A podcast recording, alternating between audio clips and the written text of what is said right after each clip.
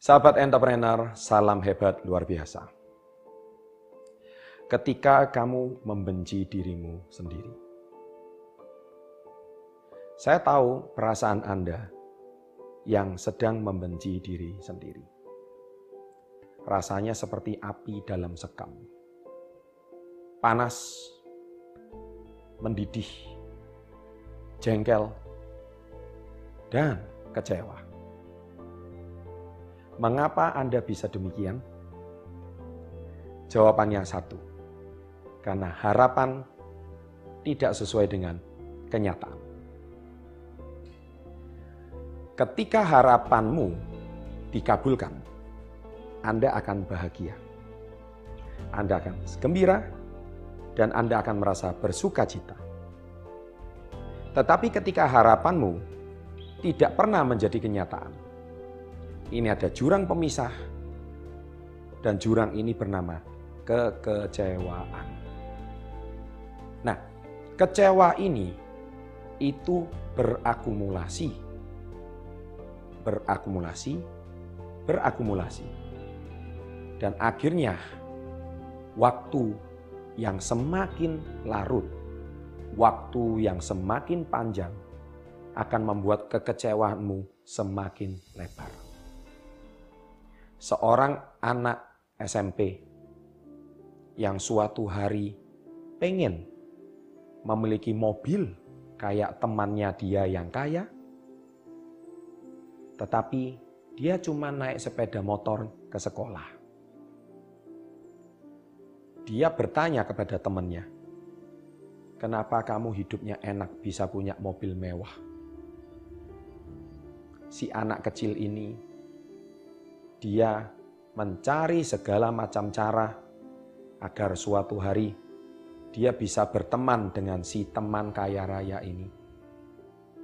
Dia mencari segala macam cara agar dia bisa diterima di lingkungan orang kaya ini. Dan alhasil, dia didepak karena kamu tidak pantas berada di lingkungan kami si anak kecil kecewa karena harapannya sama kenyataannya berbeda. Harapannya menjadi orang kaya, diterima di lingkungan kaya, tapi kenyataannya dia di lingkungan yang seperti ini. Fenomena ini menjadi jurang kekecewaan. Dan akhirnya si anak kecil ini setiap hari membenci diri sendiri. Dia mengumpat, dia menyalahkan Tuhan yang Maha Esa, dia menyalahkan keluarga, dia menyalahkan orang tua, dia menyalahkan semuanya, dan akhirnya dia menyalahkan dan membenci dirinya sendiri. Dia tidak bisa menerima kenyataan bahwa dirimu memang belum pantas untuk diterima di lingkungan tersebut. Contoh ini adalah sebuah contoh bagaimana orang membenci dirinya sendiri. Seorang wanita yang gemuk, ketika dia melihat Instagram, wanita yang seksi, wanita yang cantik, bodinya aduhai, dia setiap hari melihat foto Instagram tersebut, dia cuma bisa membenci dirinya sendiri. Kenapa saya dilahirkan gemuk? Kenapa genetik saya gemuk? Kenapa orang tua saya gemuk-gemuk?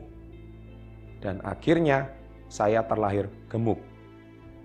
Setiap hari dia cuma bisa membenci dirinya sendiri yang gemuk. Kenyataan di sini, harapan di sini. Kekecewaan yang bertubi-tubi.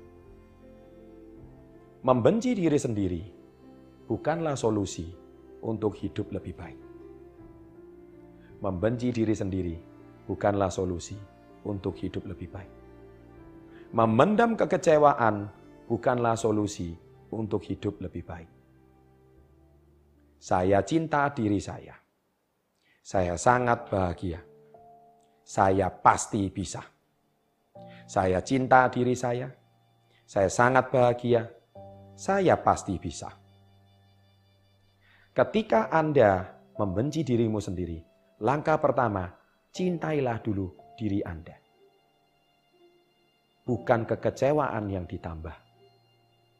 Terimalah dulu diri apa adanya. Di balik kegemukanmu, Anda pasti punya kelebihan yang orang cantik tidak punya.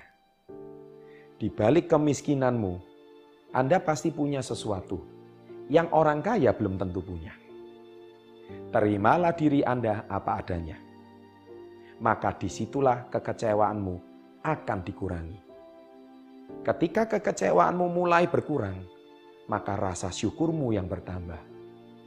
Ketika rasa syukurmu bertambah, Anda akan mencari cara bagaimana cara menambal kekuranganmu, belajar dari kelebihan orang lain, ikuti caranya, belajar bagaimana dia bisa sukses, bagaimana dia bisa kurus, bagaimana dia bisa cantik, bagaimana dia bisa kaya, bagaimana dia bisa lebih daripada Anda.